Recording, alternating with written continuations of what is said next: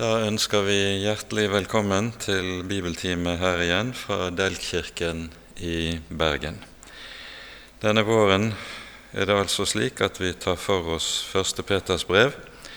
Sist gang startet vi så vidt med åpningen av brevet, og vi kommer i dag også til å befinne oss i det første kapitlet i brevet.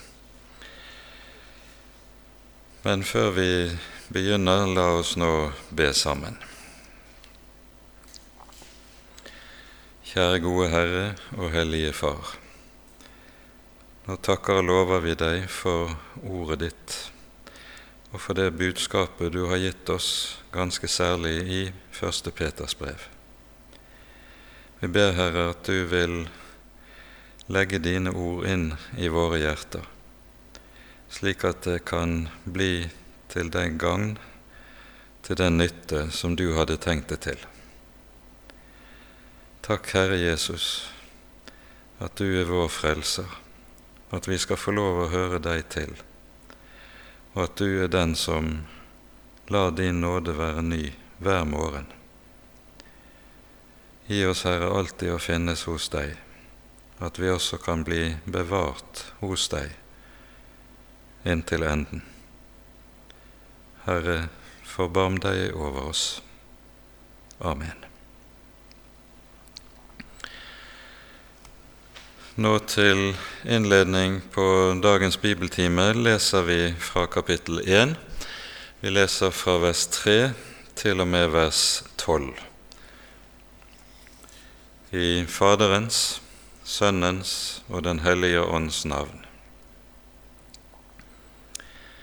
Lovet være Gud, vår Herres Jesu Kristi Far, som etter sin store miskunn har gjenfødt oss til et levende håp ved Jesu Kristi oppstandelse fra de døde, til en arv som er uforgjengelig og uflekket og uvisnelig, og som er gjemt for dere i himlene, dere som ved Guds makt blir holdt oppe ved tro til den frelse som er ferdig til å bli åpenbart i den siste tid. Derfor jubler dere av glede, selv om dere nå en liten stund nødvendigvis har sorg i mange slags prøvelser. Dette skjer for at deres prøvede tro, som er langt mer kostbar enn det forgjengelige gull, som jo lutres ved ild, skal finnes til lov og pris og ære ved Jesu Kristi åpenbarelse. Ham elsker dere, enda dere ikke har kjent ham. Ham tror dere på, enda dere nå ikke ser ham. Og dere fryder dere med en usigelig og herliggjort glede når dere vinner frem til endemålet for deres tro sjelenes frelse. Om denne frelse var det profetene gransket og ransaket, de som profeterte om den nåde som dere skulle få. I det de gransket hvilken eller hva slags tid Kristi ånd som var i dem, viste fram til, når han forut vitnet om Kristi lidelser og herligheten derefter det ble åpenbart for dem at de ikke tjente seg selv, men dere, med dette som nå er blitt kunngjort for dere ved dem som forkynte dere evangeliet ved Den hellige ånd, Han som ble sendt fra himmelen, dette som englene trakter etter å skue inn i. Amen. Sist gang, den første bibeltimen i denne serien vi skal ha over første Peters brev, så vi på de fem første versene. Men for sammenhengen sin skyld så har vi tatt opp igjen eh, lesningen fra vers 3 av og videre ut til og med vers 12. I den greske grunnteksten her er det slik at hele det avsnittet vi har lest, fra vers 3 til og med vers 12 utgjør én sammenhengende setning. Det er en lang hovedsetning med en rekke innskuddssetninger, men det er altså én sammenhengende setning som hele dette avsnittet består i. Og for uh, forståelsens del så blir setningen da oppdelt for at det skal bli enklere for oss å få med teksten og sammenhengen i den. Ganske kort skal vi si et par ord også om de versene som vi gikk igjennom forrige gang. Peter begynner med en lovprisning i det tredje verset. Lovet være Gud, vår Herres Jesu Kristi Far. Denne lovprisningen har en form som er typisk jødisk. Vi finner den samme typen og måten å prise Gud på både i innledningen til Efeserbrevet og i innledningen til andre Korinterbrev. I tillegg til at vi møter det samme også en rekke steder ellers i Nytestamentet. Den, eh, det som er grunnformen på denne lovprisningen, det er på, i norsk oversettelse 'Velsignet være du, Herre vår Gud, himlenes og jordens skaper', osv. Og Ordet som altså her er oversatt med 'lovet være', det er etter grunnteksten egentlig 'velsignet være du, Herre'. Og Dette er den mest vanlige bønneformen innenfor jødedommen.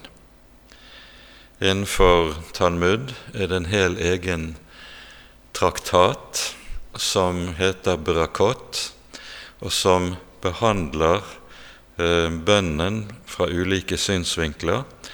Og dette navnet Berakot det betyr egentlig velsignelser, og er navnet på denne bønneformen 'Velsignet være du, Herre vår Gud'.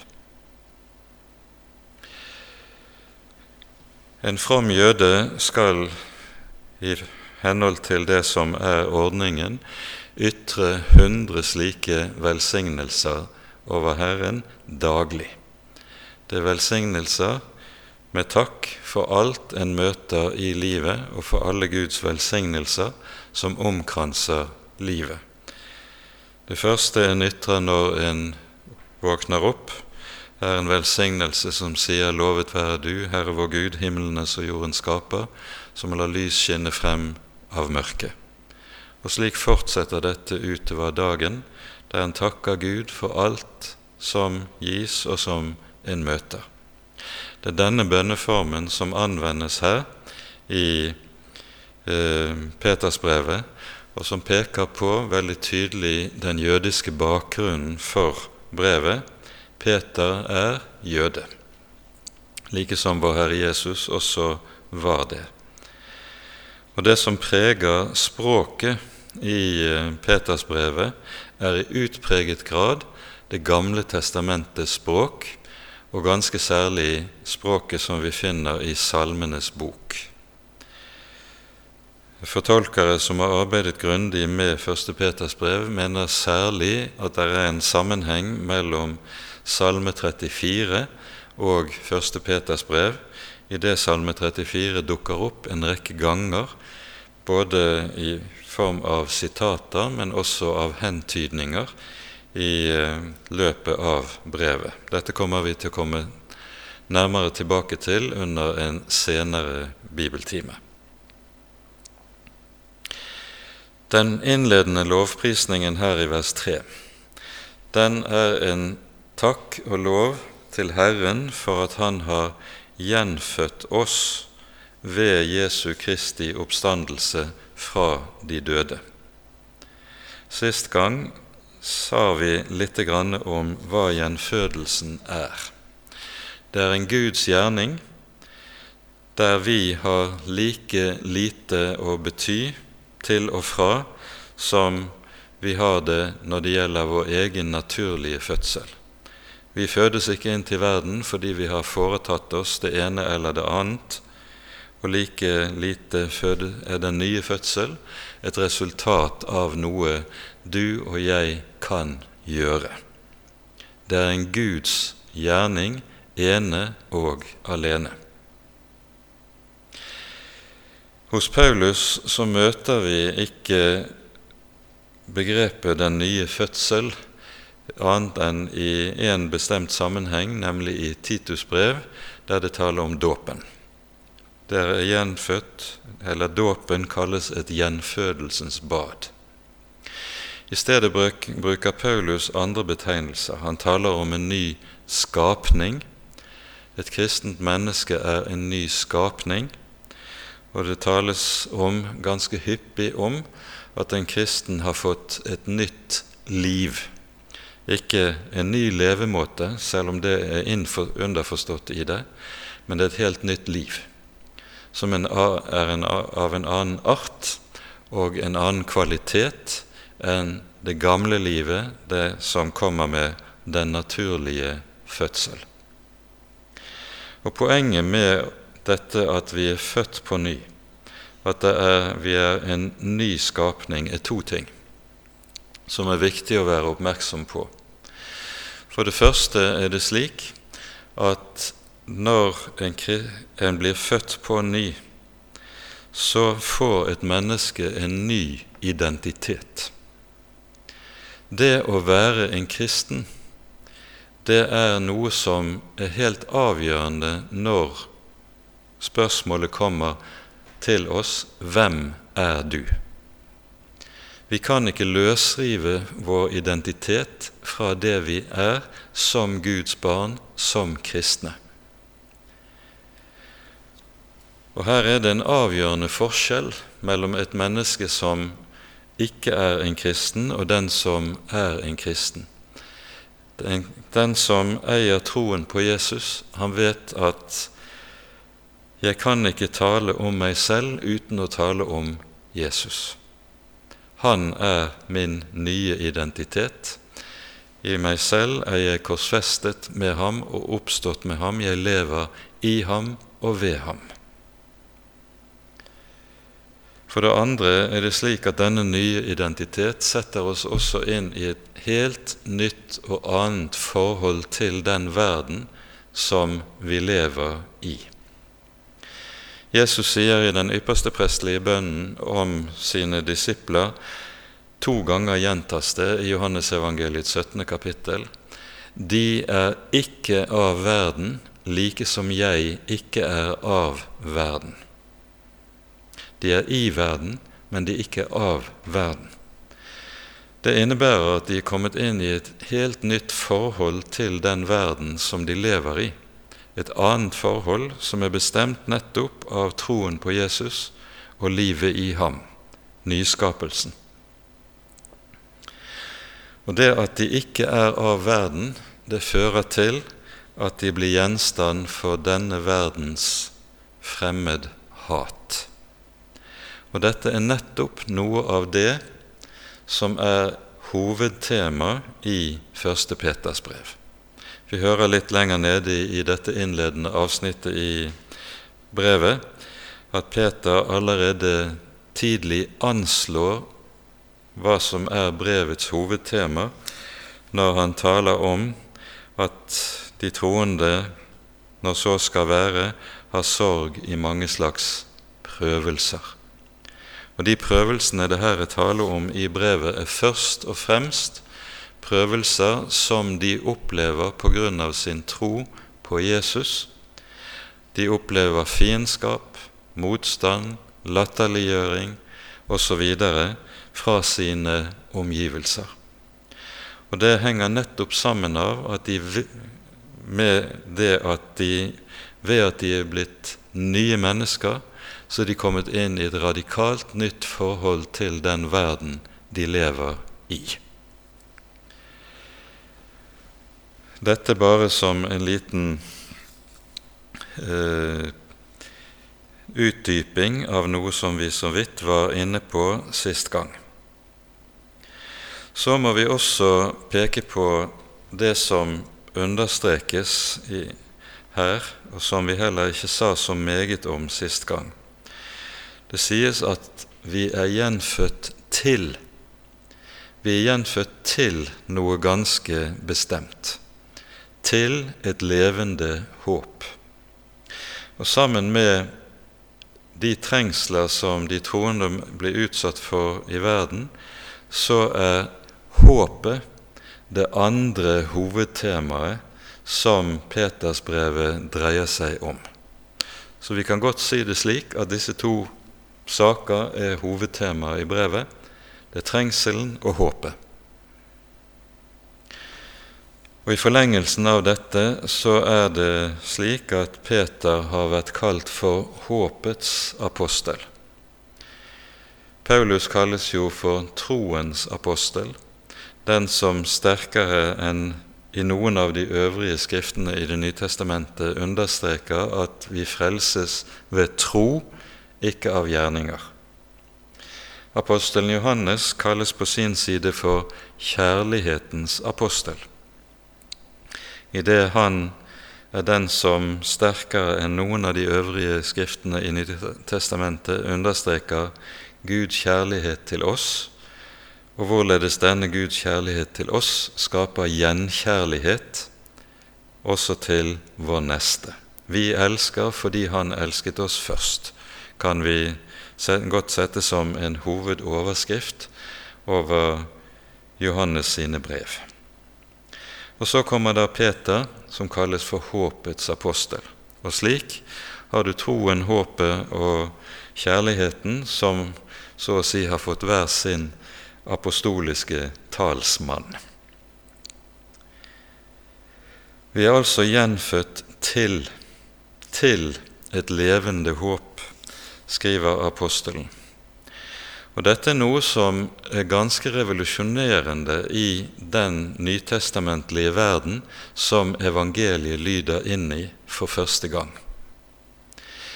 I Efeserbrevet sies det om hedningene at de er uten Gud og uten håp i verden.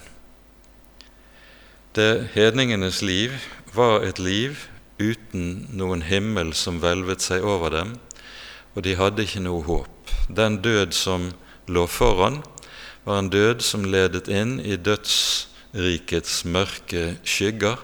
Der var intet håp.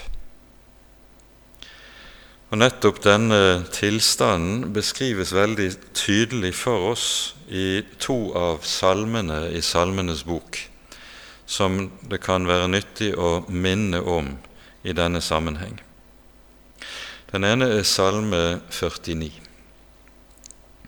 Her tales det om hvorledes de mennesker som lever uten Gud i verden, nettopp lever som de som er uten håp. Det står i Salme 49 slik.: Et menneske i herlighet blir ikke stående, han er lik dyrene som går til grunne. Dette henger sammen med det som lyder i Salme 90. Salme 90 er en salme som taler om menneskets kår i verden etter syndefallet. Mennesket er etter fallet underlagt Guds dom og Guds vrede, og dette skildres ganske uttømmende i Salme 90. Vi leser ganske kort noen vers fra denne salmen. Fra evighet til evighet er du Gud. Du lar mennesket vende tilbake til støv og sier, Vend tilbake, dere menneskebarn. For tusen år er i dine øyne som dagen i går, når den farer forbi, som en vakt om natten. Du driver dem bort som en flod, de blir som en søvn. Om morgenen er de som det groende gress. Om morgenen blomstrer det og gror, om kvelden visner det og blir tørt. For vi har gått til grunne ved din vrede. Ved din harme har forferdelse grepet oss. Du har satt våre misgjerninger for ditt åsyn, vår skjulte synd i ditt åsyns lys. for alle våre dager er flyktet bort under din vrede. Vi har levet våre år til ende som et sukk. Hvem kjenner din vredes styrke og din harme, slik frykten for deg krever? Dette er menneskets kår når det lever uten Gud. Det som er enden på alt strev, er døden. Alt et menneskes herlighet vil bli til støv, og det er uten håp.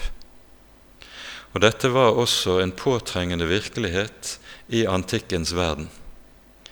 Menneskene var uten Gud og uten håp.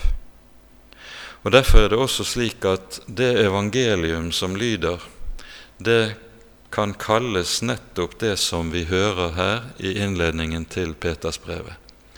Vi er gjenfødt til et levende håp. Den håpløshet som har fulgt med synden og livet i fallets verden, livet forlatt av Gud, forkastet av Gud og under Hans dom på grunn av synden, det livet er forvandlet til å bli et liv med håp. Vi er gjenfødt til et levende håp. Det er viktig å være oppmerksom på dette. Og håp er noe som spiller en helt sentral rolle i et menneskes liv.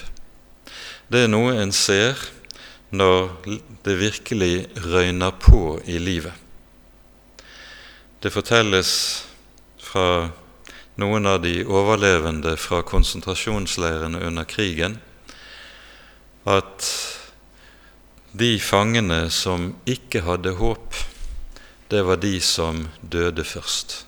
De ga opp, og de hadde ingenting å leve for og så gikk de under. Håpet er noe av den sterkeste oppholdende kraft i et menneskes liv. Og dette er dermed noe som rykker inn som en sentral side ved den kristne tro. Vi er gjenfødt til et levende håp, understreker Peter i det han bærer frem for oss i disse innledende ordene i brevet sitt.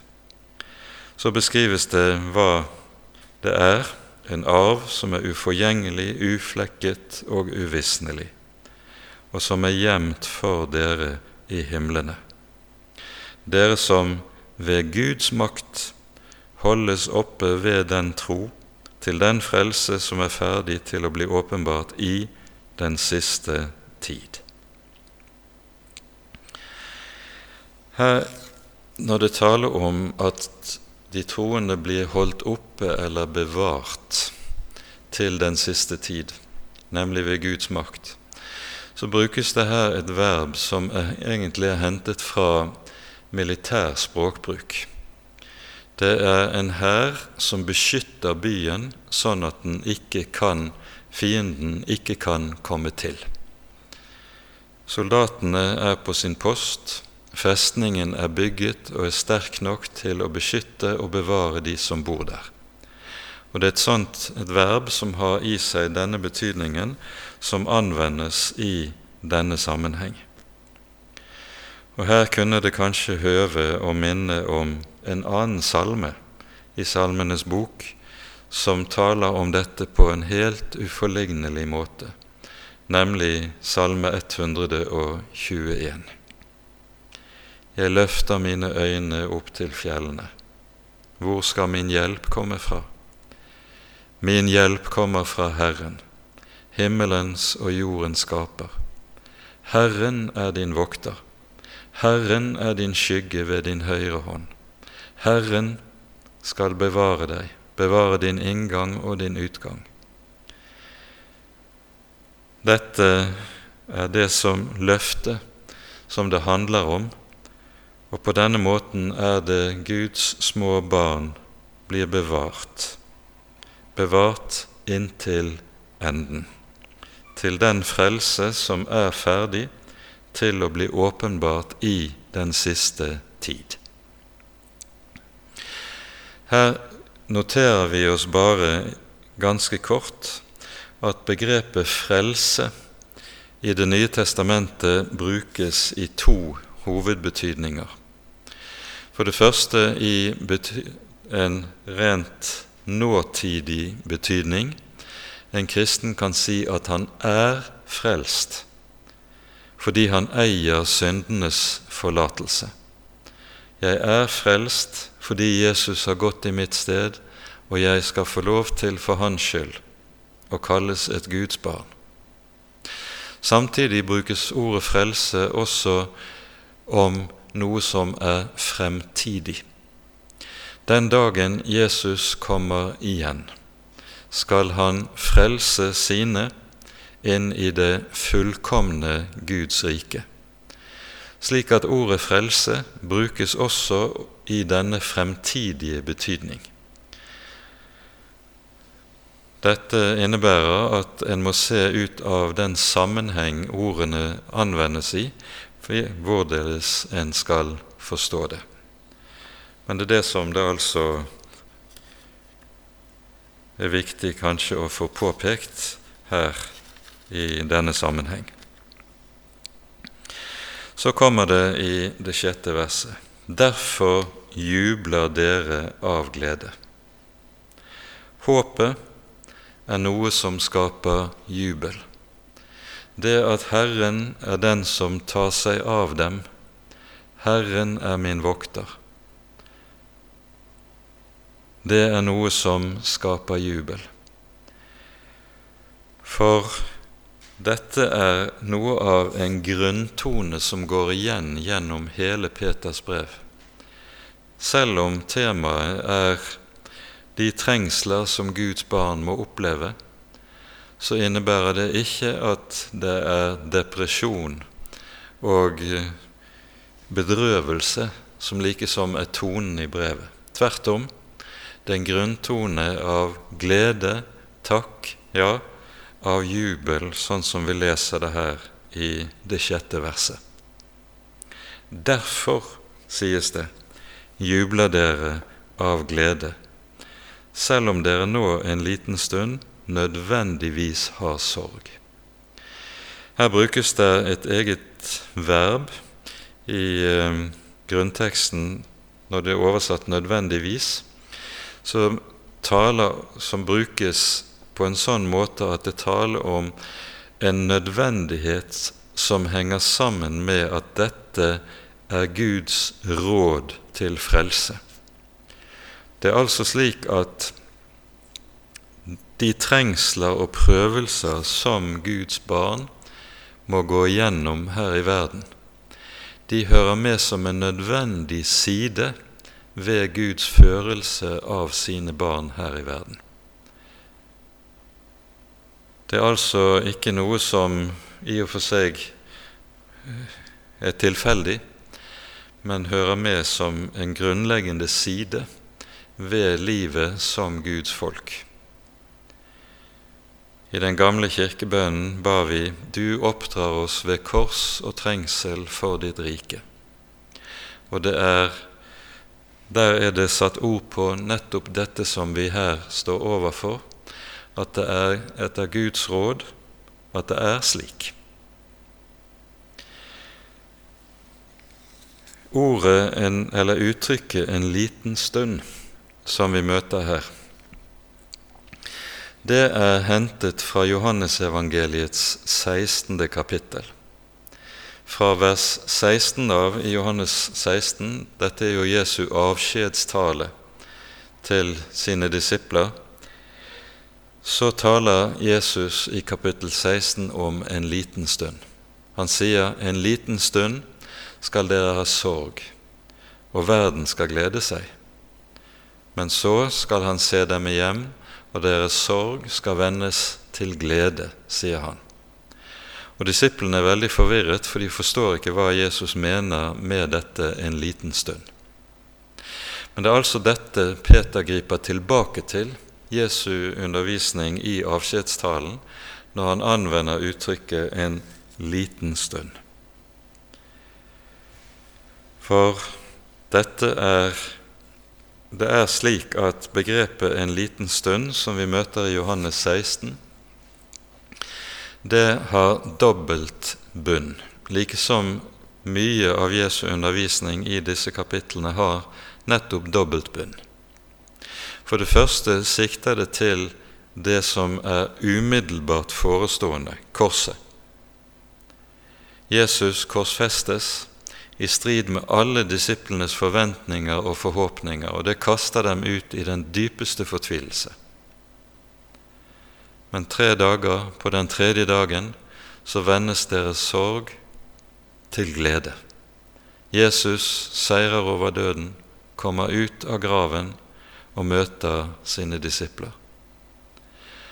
Samtidig er det slik at dette også sikter til den perioden som er mellom Jesu himmelfart og Jesu gjenkomst.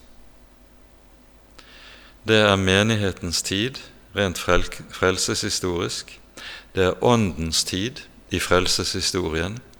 Og Jesus kaller også denne periode for en liten stund. I denne perioden skal Guds folk være et folk som må møte trengsel fra verden. Og Jesus taler jo veldig tydelig om dette i slutten av det 16. kapittel i Johannesevangeliet, når han eh, sier som følger Dette har jeg talt til dere, for at dere skal ha fred i meg. I verden har dere trengsel, men vær frimodige, jeg har overvunnet verden.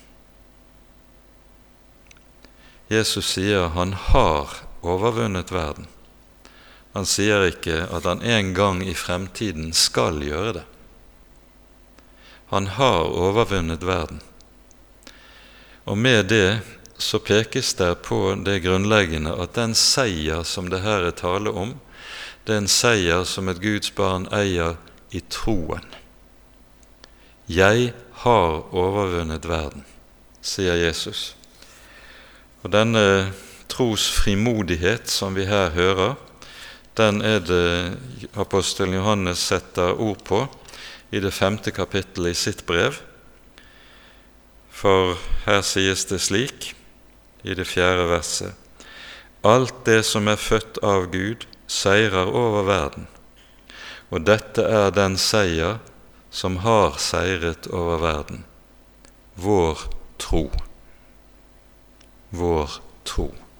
Det er en tro som har sitt feste i vår Herre Jesus. Det er Han som har seiret. Og når vi holder oss til ham, så har vi del i den samme seier.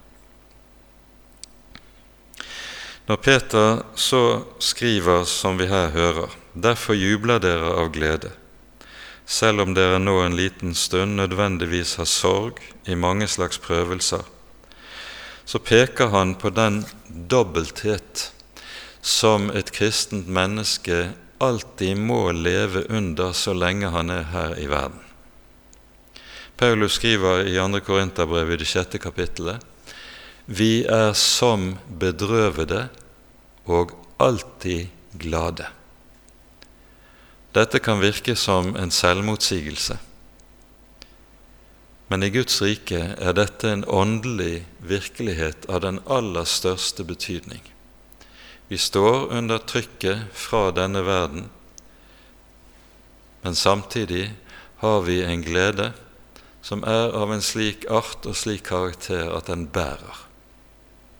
Gleden i Herren er deres styrke, sies det hos Nehemia i det åttende kapittel og det er dette som Peter her også knytter til i denne sammenheng. Og så kommer det da i det neste verset et 'for at'. Dette skjer for at. Det er altså tale om noe som er Guds hensikt med det som de, står, de troende står oppe i. Det skjer for at deres prøvede tro som er langt mer kostbar enn det forgjengelige gull, som jo lutres ved ild, skal finnes til lov og pris og ære ved Jesu Kristi åpenbarelse. Det Peter gjør seg bruk av her, det er et vers i Ordspråksboken i eh, det 17. kapittel, der eh, det tales nettopp om lutringen og prøvelsen gjennom, gjennom ilden. Her står det slik Smeltedigel er for sølv, og ovnen er for gull. Men den som prøver hjertene, er Herren. Det er slik at ordet som her er oversatt med prøvelse, det kan også bety fristelse. Og I 1930-oversettelsen var det oversatt nettopp slik. Dere har sorg i mange slags fristelser. Ordet betyr altså både fristelse og prøvelse, og en må se av sammenhengen hvordan det skal leses. Men det som er viktig å være klar over, det er at disse to ting henger uløselig sammen. I enhver prøvelse ligger der en fristelse og i enhver fristelse ligger der en prøvelse. Fristelsen som en står oppe i i prøvelsen, det er å vike unna korset. Det er den fristelsen som vi, de troende, står overfor i Petersbrevet, og som kanskje særlig er hovedtema i Hebreabrevet. Her er det i Hebreabrevet slik at det er en gruppe jødisk, jødiske troende kristne som opplever slik motstand fra sine folkefeller at de føler fristelsen til å vende tilbake til sin jødiske tro og forlate evangeliet om Jesus. Hele hebreerbrevet er skrevet for å advare mot dette og oppmuntre dem til å holde fast i troen tross de trengsler som de opplever. Og så kommer vi til det 13. kapittel i Hebreabrevet, der det står La oss derfor gå ut til ham utenfor leiren og ta del i hans vanære. Det fulgte vanære med troen på Jesus. Det var en fristelse til å skamme seg over Jesu navn. Denne fristelsen var tydelig en sterk fristelse for hebreerne.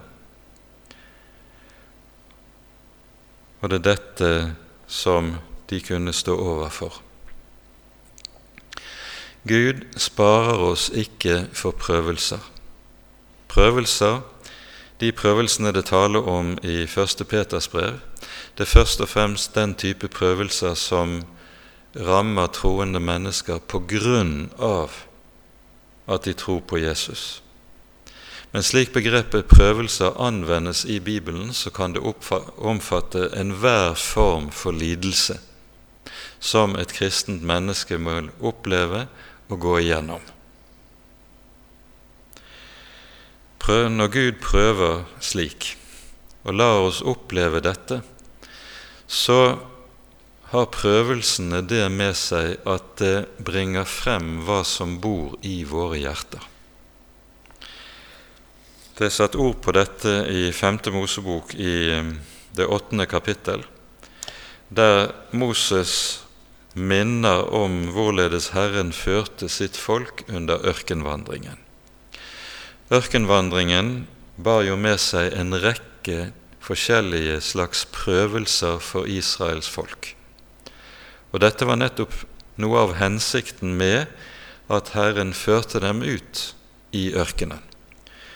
Og Så sies det i 5. Mosebok 8 i vers 2 slik.: Kom i hu hele den vei Herren din Gud har ført deg på i disse 40 år i ørkenen, for å ydmyke deg og prøve deg og for å kjenne hva som var i ditt hjerte, om du ville holde fast på Hans bud eller ikke. Prøvelsen finner, bringer for dagen hva som bor i et menneskes hjerte. Dette er også noe som er viktig å være klar over og ha med seg i denne sammenheng.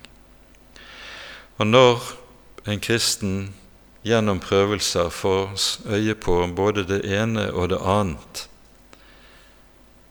av synd og urenhet i sitt eget hjerte gjennom prøvelser, så fungerer prøvelsen som en lutring. Dersom det edle metallet bringes i, inn i smeltedigelen, og så smeltes det uedle, slaggene smeltes ut. Og Derfor er det slik at prøvelsene som Gud lar sitt folk gå igjennom, de har sitt mål i helliggjørelsen. De har sin frukt i helliggjørelsen. I Hebreabrevet 12 sies dette slik at Gud tukter oss slik en far tukter sine barn, for at vi skal få del i Hans hellighet. Legg merke til det. Det sies 'for at'.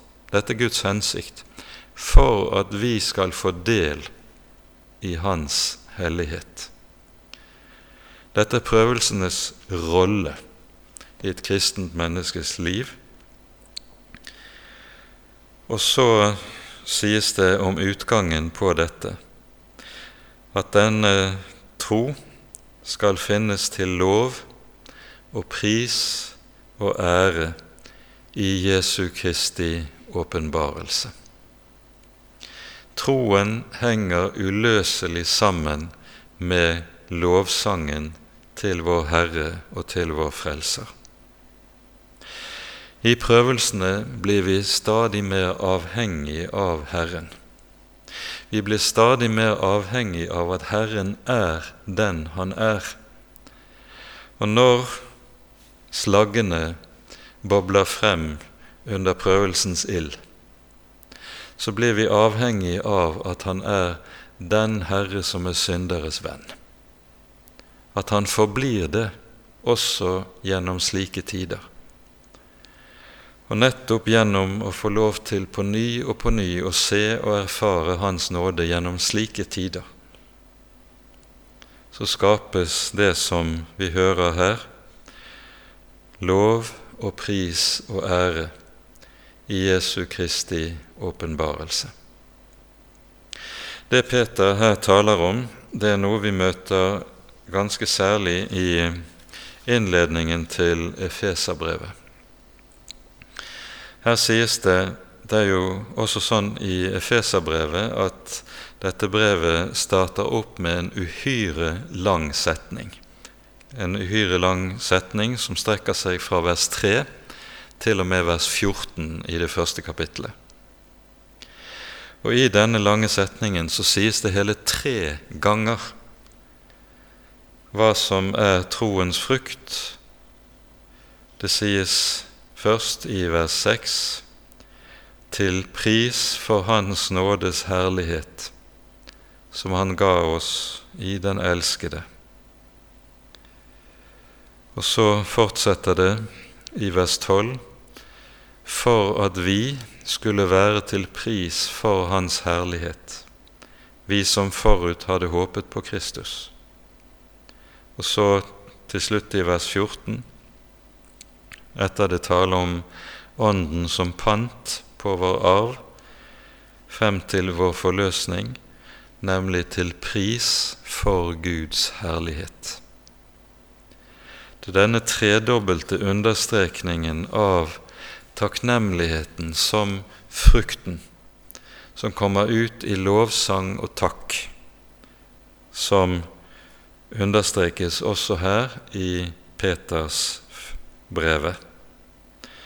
Og Her kunne det kanskje passe å minne om en helt særegen lovsang som vi møter i Det gamle testamentet nemlig i Jesaja-bokens tolvte kapittel.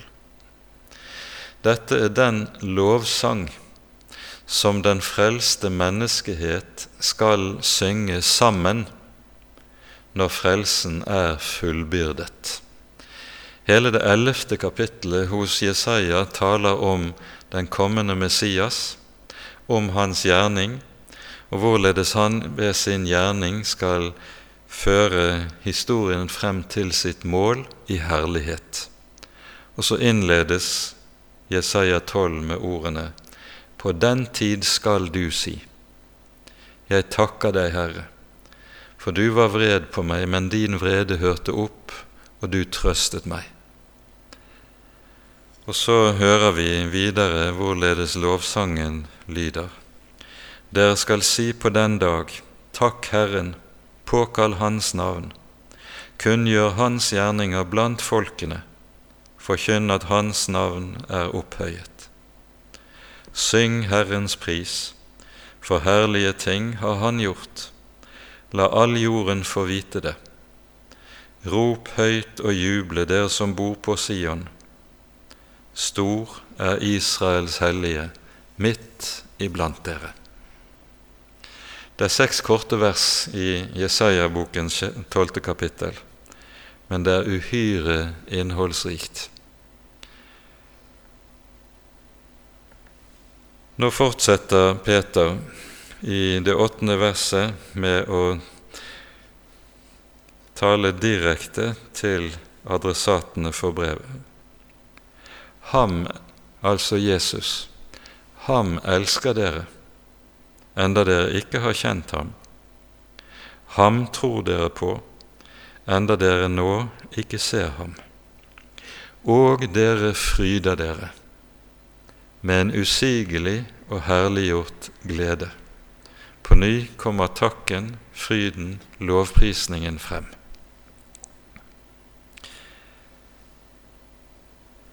De ordene vi her hører, de minner om et par andre viktige tekster som vi må ta med oss. Ham tror dere på, enda dere nå ikke ser ham. Bak dette står nok ordene til eh, Thomas, tvileren, som vi hører i Johannesevangeliets 20. kapittel. Thomas var ikke til stede da Jesus åpenbarte seg for disiplene på påskemorgen. Og når disiplene forteller hva de har opplevd når Jesus kom tilbake, så rister Thomas på hodet. Dette kan han ikke tro før han har fått stikke fingrene i naglegapene og sin hånd i siden på Jesus. En uke senere er disippelkollegiet samlet, og da er Thomas med. Og så kommer Jesus og sier til Thomas.: Se her er mine hender, stikk fingrene i naglegapene. Vær ikke vantro, men troende. Og så sies det Salig er den som ikke ser og dog tror. For det er våre kår. Apostlene sin rolle og kall, det var å være øyenvitner. De fikk se. De så Herrens store gjerninger. De hørte ordet fra Hans munn. Og dette var deres kall, at de som øyenvitner skulle være de som forkynte Hans herlighet og Hans frelse for alle folkeslag. Men for oss er situasjonen den at vi får ikke se. Vi har et ord som er forkynt oss, og det er ved dette ord troen kommer. Så vi vandrer i tro, ikke i beskuelse, sier Paulus. Når det sies også i dette verset 'Ham elsker dere enda dere ikke har kjent ham', så refererer dette til noe som vi hører flere steder i evangeliene. At mennesker som trodde de kjente Jesus, de hadde uhyre vanskelig for å tro på ham. Vi hører innbyggerne i Nasaret. Hvem er han? Hans brødre bor jo iblant oss. Han er tømmermannens sønn. Hvordan kan han være slik? Senere hører vi lignende utsagn i Johannesevangeliet. Paulus taler om dette i 2. Korinterbrevs 5. kapittel, der han sier sånn Vi kjenner ikke lenger Kristus etter kjødet. Det var en del mennesker som nettopp kjente Kristus etter kjødet. Og så tok de anstøt av ham. De trodde de visste hvem han var, fordi de f.eks. var vokst opp sammen med ham i Nasaret. De kjente ham kun etter kjødet. Og så så de ikke hans herlighet og forble i sin vantro.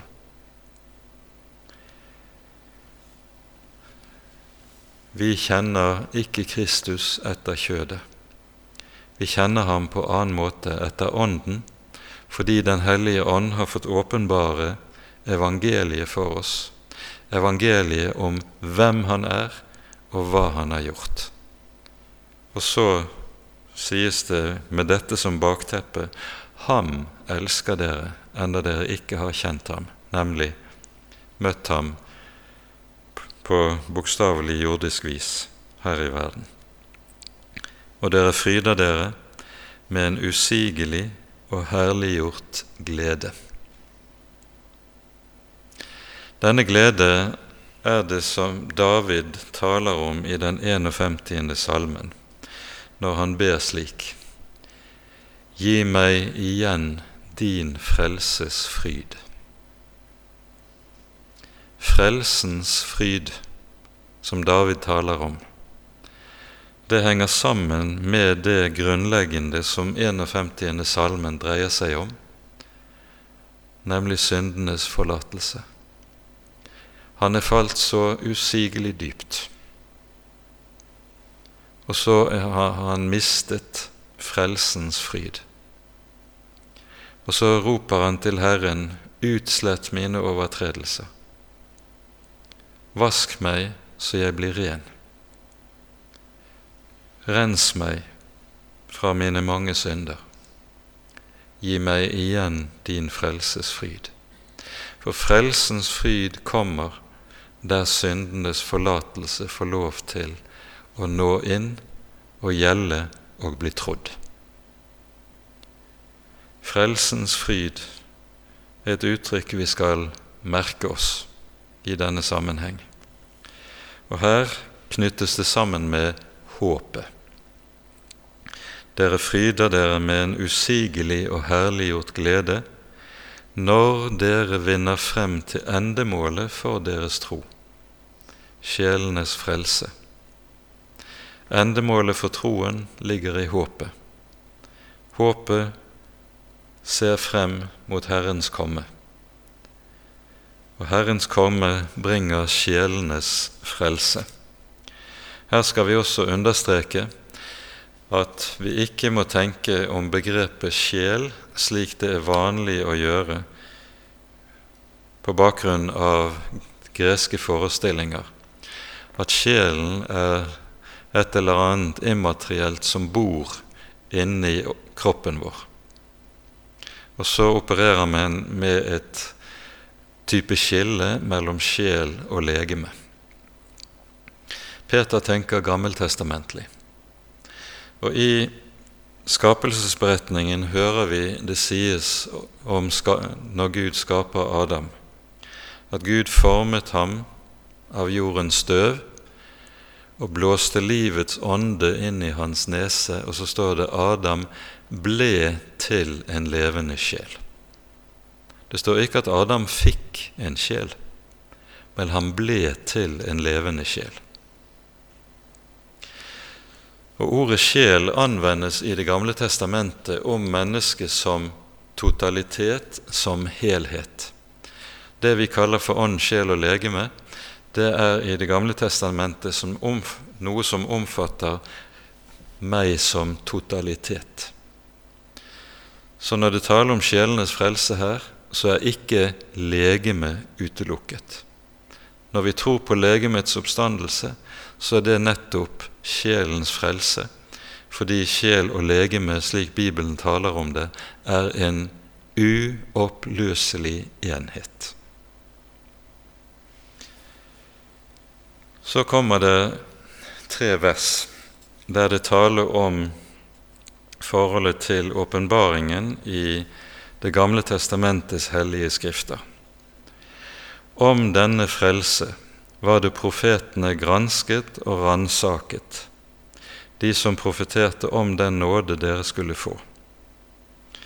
Her kunne vi kanskje vise til Daniels bok, tolvte kapittel, der det sies helt uttrykkelig at eh,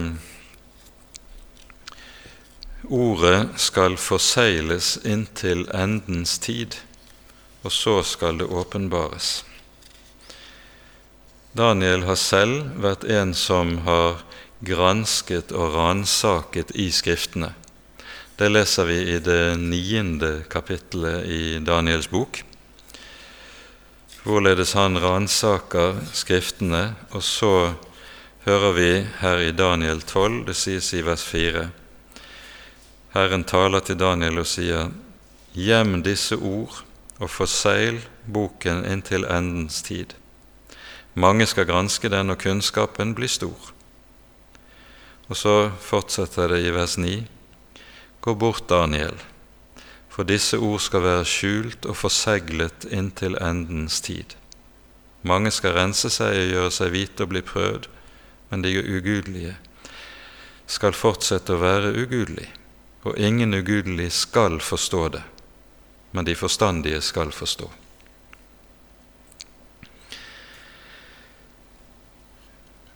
Det har ikke vært uvanlig å tenke slik innenfor mye av teologien at hvis vi skal forstå Bibelen rett, så må vi forstå Bibelen slik de som talte Skriftordet, forsto det.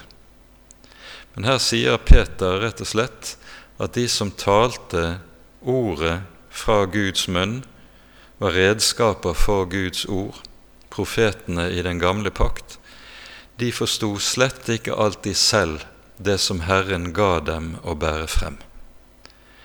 Det var slik at det var ting i dette ord som var et stort mysterium for dem.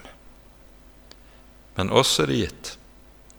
For, sies det uttrykkelig, det ble åpenbart for dem at de ikke tjente seg selv, men oss. Jesus taler om noe av det samme i Lukasevangeliets tiende kapittel, der han eh, bryter ut i lovprisning, og så sies det i Lukas 10 fra vers 23. Da Jesus var alene med disiplene, vendte han seg til dem og sa:" Salige er de øyne som ser det dere ser, for jeg sier dere, mange profeter og konger har ønsket å se det dere ser, men fikk ikke se det og høre det dere hører, men fikk ikke høre det. Det er dette som denne tråden som Peter tar opp i denne sammenheng.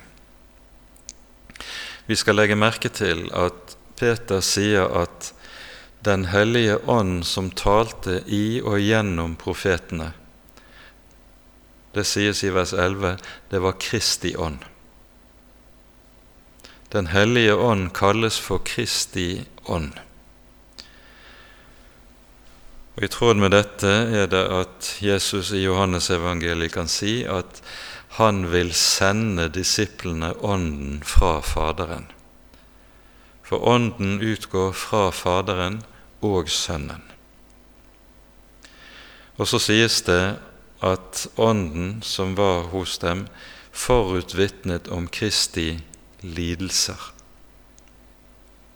Korset er noe som er omtalt og bevitnet allerede i Det gamle testamentet, både i form av direkte profetier, slik som vi f.eks. finner det i Isaiah 53. kapittel eller i Daniels boks 9. kapittel, men også i form av en rekke ulike forbilder og det viktigste av disse forbildene var offertjenesten i Det gamle testamentet, som døperen knytter oss direkte til gjennom sitt vitnesbyrd som lyder allerede ved inngangen til Jesu offentlige virke.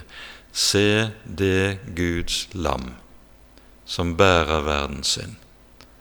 Og Dermed så drar Johannes inn hele offertjenesten som det som skal være vitne om Han som kommer.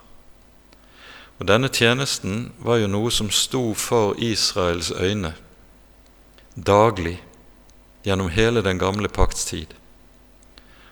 Det var de daglige offer som gikk morgen og kveld i tabernaklet og i tempelet, i tillegg til de ulike høytidsofre og de ulike private ofre som ble båret frem når folk besøkte tempelet. Hele tiden var det en minnelse om at skal folket bli fri for synd, så kan ikke det skje uten ved soning, uten ved blod. Ånden vitnet forut om Kristi lidelse og om herligheten derefter. Begge deler kors og oppstandelse, fødsel i Betlehem og herlighet ved Faderens høyre hånd. Alt sammen ligger gjemt allerede i den gamle pakts hellige skrifter. Og så sies det det ble åpenbart for dem at de ikke tjente seg selv, men dere med dette som nå er blitt kunngjort for dere ved dem som forkynte dere evangeliet ved Den hellige ånd, som ble sendt fra himmelen. Dette som englene attrår å skue inn i.